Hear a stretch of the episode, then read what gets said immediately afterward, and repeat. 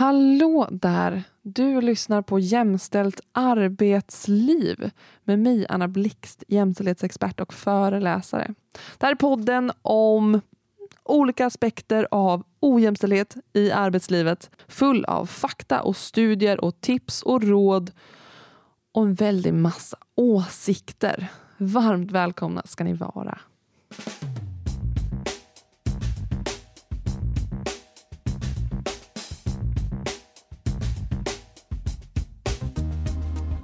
Det här avsnittet har jag döpt till hushållsnära tjänster.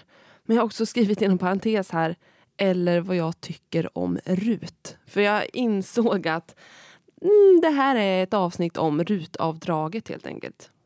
Jag kommer berätta om hushållsnära tjänster, vad det är, vilka som utför dem, vilka som använder sig av dem, hur det påverkar arbetsmarknaden.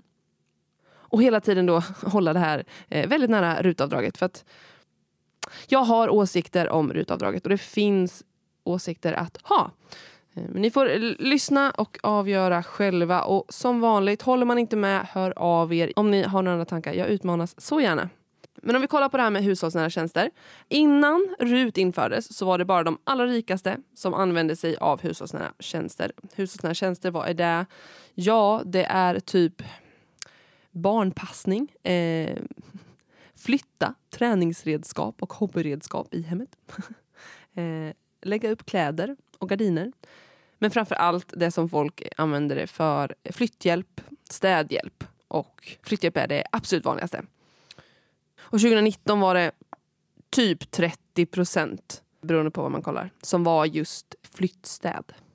Och när man då införde RUT så sa man, eller till exempel eh, Ann-Marie Pålsson, moderaten, som var den som ledde det här, eller vad man ska säga. Också min för detta mm, lärare vid Ekonomihögskolan i Lund. Att den svarta marknaden skulle försvinna och att statskassan skulle gå plus minus noll på de här bidragen. Alltså att fler får jobb och betalar också skatt då, men att plus minus noll skulle det gå.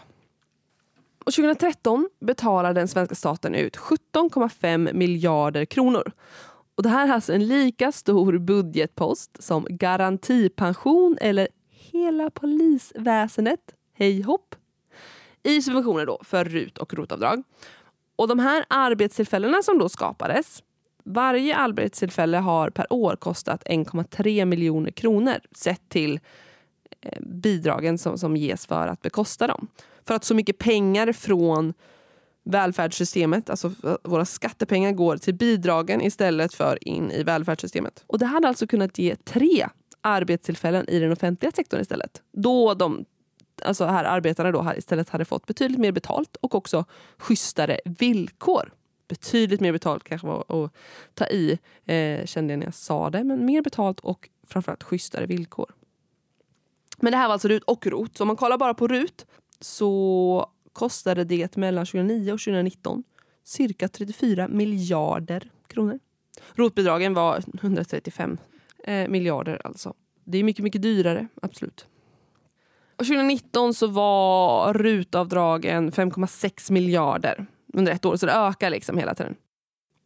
Och 2011 till 2014 plockade ägaren till Hemfrid, som är ett stort hushållsnära tjänster-bolag, företag, ut 31 miljoner kronor.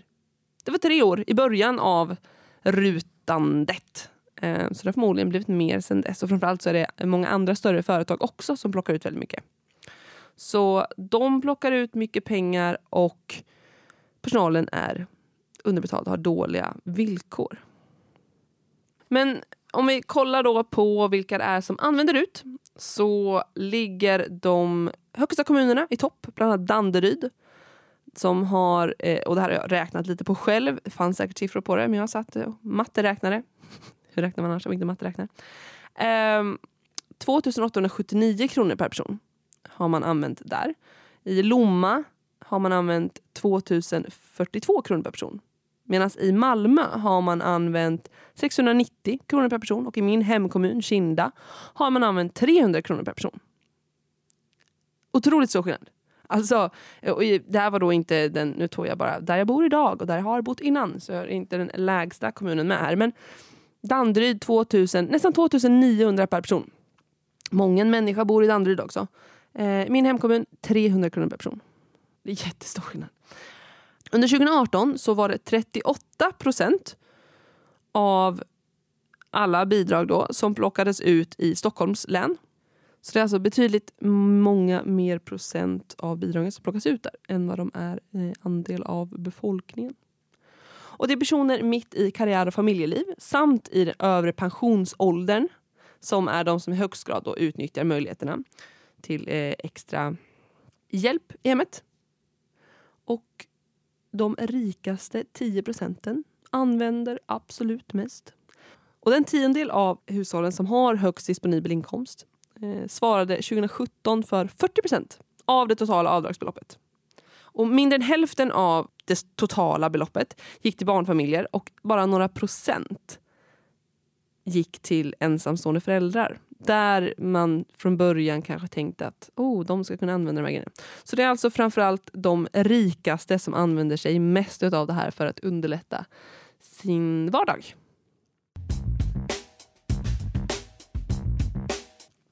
Jag har identifierat fyra huvudargument i den här debatten som är då varför man ska använda sig av eh, rutavdraget eller varför rutavdraget är bra helt enkelt. Och argumenten är som följer. Det hjälper till i livspusslet. Det hjälper folk in på arbetsmarknaden som, som står långt borta från arbetsmarknaden, alltså så kallade enkla jobb. Det skapar nya jobb. Och det minskar svarta jobb. Så det är liksom de huvudargumenten som jag ser i debatten. Och Sen handlar det också lite om jämställdhet och sånt. Att kvinnor ska kunna ja, ta sig ut på arbetsmarknaden mer, jobba mer, inte behöva hand om hemmet. Men om vi kollar på det här med arbetsmarknaden till exempel. Så är kvinnor med flyktingbakgrund mindre representerade. Alltså det är hälften så stor andel. Där, inom dessa yrken, än till exempel övrig lokalvård eller inom hemtjänsten. De är dock överrepresenterade inom hårvård, vilket är lite spännande. Men jag alltså, förstår sett till hur många av mina SFI-elever när jag jobbade som SFI-lärare som ville bli frisörer. Men alltså, ja, de här jobben hjälper folk in på arbetsmarknaden. Enligt Johanna Rickne, som är professor i nationalekonomi, som gjort en studie på huruvida ROT hjälper integrationen eller inte, eh, så var det 15 procent utav de som fick de nya jobben som kom ifrån ekonomiskt utanförskap och 10% från arbetslöshet. Och Det är absolut bra siffror, men det är fortfarande lägre än till exempel restaurangbranschen. Så att ja, det hjälper folk in på marknaden, men det kostar supermycket pengar för staten att finansiera de här istället för då till exempel restaurangbranschen där man också får de här jobben. Och då räknas ju inte de svarta jobben i restaurangbranschen utan de vita jobben. Ja, och det här med att det skapar nya jobb då. Alltså just städbranschen ökade till exempel redan innan RUT kom. Och ökningen av antalet städföretag har varit konstant sedan 2003. Och det är en väldigt hög andel egenföretagare. Så det är inte bara folk som anställs utan också väldigt många egenföretagare. Men det var en ökning som alltså var på G redan innan RUT. Och Hemfrids grundare Monica Lindstedt hon hävdade någon gång att 20 000 nya jobb har skapats då tack vare RUT. Och Johanna Richter, då, återigen nämnda nationalekonomiprofessor, hon har svarat på det här att hon som forskare inte har, eh, alltså kan förstå var den siffran kommer ifrån. För det är så höga, höga siffror som man inte riktigt har belägg för. Så att det är så här, ja, det skapar jobb men inte så mycket jobb som branschen hävdar. Viktigt är också då att, knyter an till båda dessa tidigare nämnda argument, en majoritet av de anställda inom RUT-företagen hade ett arbete innan de började jobba. Och argumentet att det minskar svartjobb. Absolut, men svarta jobb har minskat kontinuerligt i alla branscher under en längre tid. Dels för att det är mindre kontanter i rörelse, men också tack vare mm, personalliggare som man har infört där man måste skriva in ifall det blir en kontroll. Så måste man då skriva in sina namn på alla, alla som jobbar där så man kan kontrollera att de är där. Och kassaregister då, inom hotell och restaurangbranschen. Så att svarta jobb har minskat generellt och har pågått under en längre tid än vad RUT har gjort. Så absolut, det kan ha minskat eh, tack vare RUT men det har också minskat ändå. Och nu är det någon förstås, förlåt, som sitter och tänker, men rotavdraget då? Du nämnde det i början och, och glömde det sen. Ja, det är också en jättebra fråga. Eh, men, men dels så är rotbranschen, eller man ska säga, en mer välbetald bransch. Eh, och det är endast 20 procent som har någon slags invandrarbakgrund. Så att det ses inte på samma sätt som ett lågstatusyrke. Och det ersätter också ett arbete som många kanske inte kan göra. Så jag kan inte bygga om mitt hus. Men jag kan tvätta mina kläder. Så det är kanske inte bara en lyxgrej så. Utan det är saker som folk eh, behöver göra. Så, men det är fortfarande att det utnyttjas i högre grad av de som är rika. Och så så det, det är ju absolut problematiskt. Eh, men, och det är en, en jättestor kostnad för staten. Och att det till exempel bara får användas av folk som äger sin egen bostad. Där har vi en rejäl klassfråga. Jag som hyreslägenhetsinnehavare får inte använda rot. Jag måste äga min bostad för att få använda rot på min bostad. Så det, det är absolut en fråga och någonting man kan diskutera.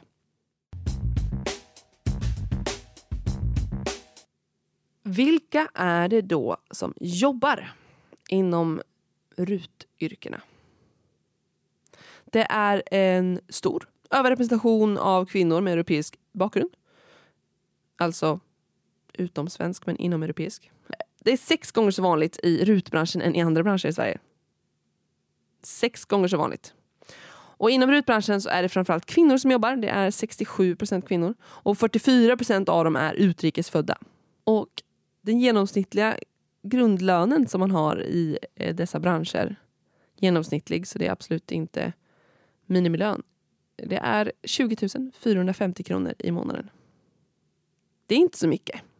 Sett till också hur slitigt jobbet är. Alltså repetitiva rörelser är väldigt slitigt för kroppen. Då får man belastningsskador och sånt. Som jag nämnde tidigare så har jag alltså jobbat som SFI-lärare innan jag blev jämställdhetskonsult. Ehm, och många av mina elever jobbade inom RUT-branschen och hushållsnära tjänster. Så jag tänkte jag skulle dela med mig lite av deras erfarenheter och vad de har berättat om. De jobbar till exempel väldigt ofta ensamma, eller alltid ensamma eh, och kan därför inte träna sin svenska eller lära känna folk. Så, och när det väl är någon arbetskamrat som de träffar once in a while så är det väldigt sällan att den personen kan svenska. Så då pratar de antingen på väldigt knacklig svenska eller på engelska. Så att, att det skulle vara någon slags integration att jobba med ruttjänster eh, kanske inte riktigt stämmer. Och det här är då folk som städar. Det kanske är skillnad förstås om man kanske hjälper äldre människor och sånt. Men om man hjälper folk att städa så, så, så är de väldigt sällan hemma. Och de hade tyvärr inte heller möjlighet, för jag uppmuntrar dem, att lyssna på svenska texter eller på radio, vad som helst. Men de var så stressade så de hade liksom inte riktigt möjlighet att göra det här. Och att trådarna, om man inte hade trådlösa hörlurar så var trådarna väldigt mycket i vägen också och var störigt. Så. Så det är synd, för det är en bra möjlighet annars när man ändå är själv och slipper familj och sånt. Men de var ofta väldigt stressade, eller är, och hade inte tid för pauser. Pauserna blev då istället när de åkte mellan två hus. Eller så, två arbetsplatser. Och vad gäller kunderna så hade de ingen kontakt med dem. I stort sett. Och Hemfrids eh, grundare hon eh, sa i någon paneldebatt att när man är lokalvårdare, alltså typ på skolor eller sjukhus och sånt när man jobbar och hand om lokaler. Att man då ses som en kugge i hjulet. Medans när man jobbar eh, med hushållsnära tjänster så, så ses man som en individ. Men eh, eh, man, när man inte får kontakt med kunderna så är det inte så lätt att ses som en individ. Och man har inte heller något team. Liksom. Man jobbar ofta själv. Som ni hör så är jag inte överdrivet positiv till rutbranschen och rutbidraget. Jag tänkte jag skulle dra lite motargument, lite samlade motargument. Eller hela det här avsnittet är ett argument mot RUT. När det är utländska arbetare så riskerar de att hamna i beroendeställning till sina arbetsgivare eftersom att de inte dels kan förstå språket eh, och inte har någon koppling till samhället och de har inte heller någon kunskap om sina rättigheter.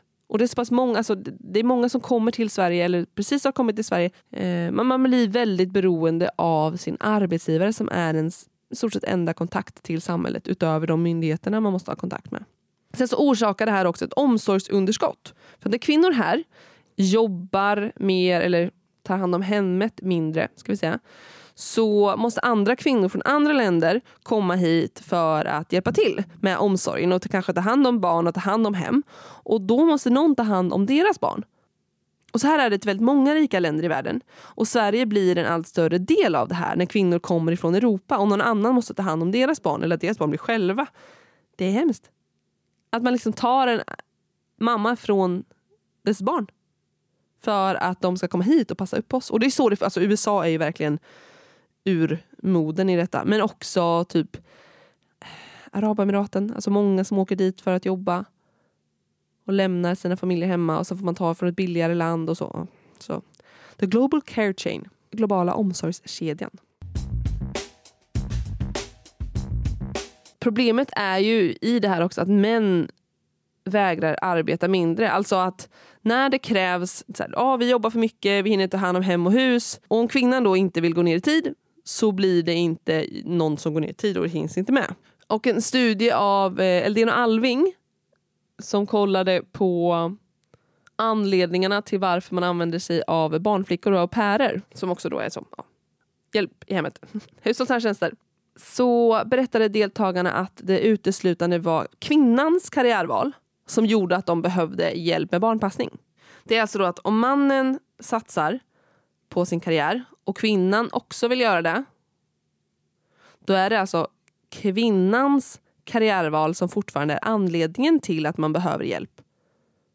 Är ni med? Fast att båda gör det. Så är det kvinnan, så, alltså, så uteslutande alltså. I hela den här studien så var det kvinnans karriärval som gjorde att man behövde hjälp utifrån.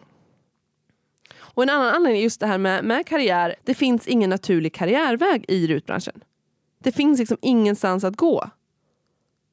Ja, nu har jag städat det här. Ja, man kanske får städa lite finare hus eller man kanske får sy upp lite finare byxor eller tvätta lite finare fönster. Men det finns liksom ingen utveckling. Då är det bättre i så fall om man är hemtjänsten till exempel. Där man kan göra snarlika grejer. Man kan hjälpa till att städa, man kan hjälpa till och, och så fixa hemma hos någon. Där kan man börja som vårdbiträde och känner man så här, ah, det här är kul, då kan man bli undersköterska. Och sen, det här, jag kan utbilda mig vidare, yes, jag blir sjuksköterska. Så att man kan börja där i så äldrevården till exempel. Så det finns ju ställen där det finns eh, kollektivavtal och karriärutveckling. Som man kanske borde satsa mer på. Istället för dessa många miljarder i bidrag till rika människor. Och när fler kvinnor får högbetalda jobb och majoriteten av de lågbetalda jobben innehas också av kvinnor så ökar klyftorna. Och Sverige har de snabbast ökande klyftorna i Norden just nu, alltså inkomstklyftorna mellan rika och fattiga. De rika blir rikare, de fattiga blir fattigare. Framför allt ska jag tillägga är att de rika blir rikare. Angående det här för övrigt med kontakten med kunderna så visade en studie från Stockholms universitet av rutarbetarnas arbetsvillkor att kunderna har preferenser kring vem som städar deras hem. Och folk födda i till exempel Afrika och Mellanöstern är inte lika välkomna in i folks hem. Så kunderna betalar för tjänster, de får ha preferenser kring vem som kommer in i deras hem. Och de väljer bort vissa. Så det är ett system som en del av en redan så rasistisk struktur, samhällsstruktur och som också är verkligen direkt rasistisk. Om vi kollar på vad RUT skulle kunna leda till på sikt så har LO skrivit eh, bra, bra liten text om det här. Och de menar att citat Inriktningen på att kraftigt bredda rutavdraget eldar på en utveckling mot en skiktad välfärd där det utvecklas en skattesubventionerad privat finansierad VIP-välfärd för de som har råd att betala för den. Och Det är vissa, vissa partier som är lite inne på det här. Liberalerna vill till exempel på sikt ersätta hemtjänsten helt med ruttjänster. Städning, tvätt och matlagning. Och Det här skulle innebära att pensionärer med låga inkomster som idag då har reducerad avgift i hemtjänsten, att de inte skulle ha råd med servicetjänster och att man därför skulle hänvisas till att ta hjälp från anhöriga istället. Det finns säkert andra partier som har andra eh, åsikter och tankar om det här men det här var någonting som jag snubblade över. Och om du nu efter att ha lyssnat på det här avsnittet ändå känner nej men du, jag behöver använda mig av hushållsnära tjänster. Jag behöver städhjälp här hemma. Okej, okay, se då till att den personen du anlitar har ett kollektivavtal. Nummer ett. Men också dålig koll på vad städning kostar. Om du har råd att lägga ja, tusen spänn på städning, har du inte då också råd att lägga 2000 spänn på städning? Ja, för det är liksom människors arbetsvillkor, arbetsmiljöer vi pratar om. Sen är det förstås det är, det är skillnad också var man bor i landet och vilka förutsättningar man har och så vidare. och så vidare. Jag förstår det. Ehm, men jag vill ändå bidra med det här perspektivet på frågan. Och som jag sa inledningsvis, håller du inte med mig, skitkul. Hör av dig. Jag, jag vill verkligen jag vill utmanas i de här frågorna. Det här är... Är det kontroversiellt? Jag vet inte. Jag tänkte att det här är en lite kontroversiell fråga. Men jag vet inte om det är det. Men, men, men låt mig veta om jag har fel. Så tar vi den diskussionen. Jag lovar att jag är öppen för att ändra mina åsikter. Det är det livet är till för, tänker jag. Tack hörni för att ni har lyssnat på detta avsnitt om rutavdraget, eller jag menar hushållsnära tjänster. Gillar ni avsnittet, gillar ni podden, Eh, dela lite, likea lite, följ mig på Instagram och lämna en, en recension. Tack, tack, tack för att ni lyssnar och för att ni hör av er. Jag blir lika glad varje gång Vare sig det är positivt eller negativt. Nej okej, absolut mer glad när det är positivt. Men kul, tack för att ni lyssnar. Ha en eh, fortsatt fin dag. Var ni än befinner er när ni än lyssnar. Ta hand om er. Puss och kram, hej! Det här avsnittet har klippts av Sofia Svandi från Mill Meadow Media.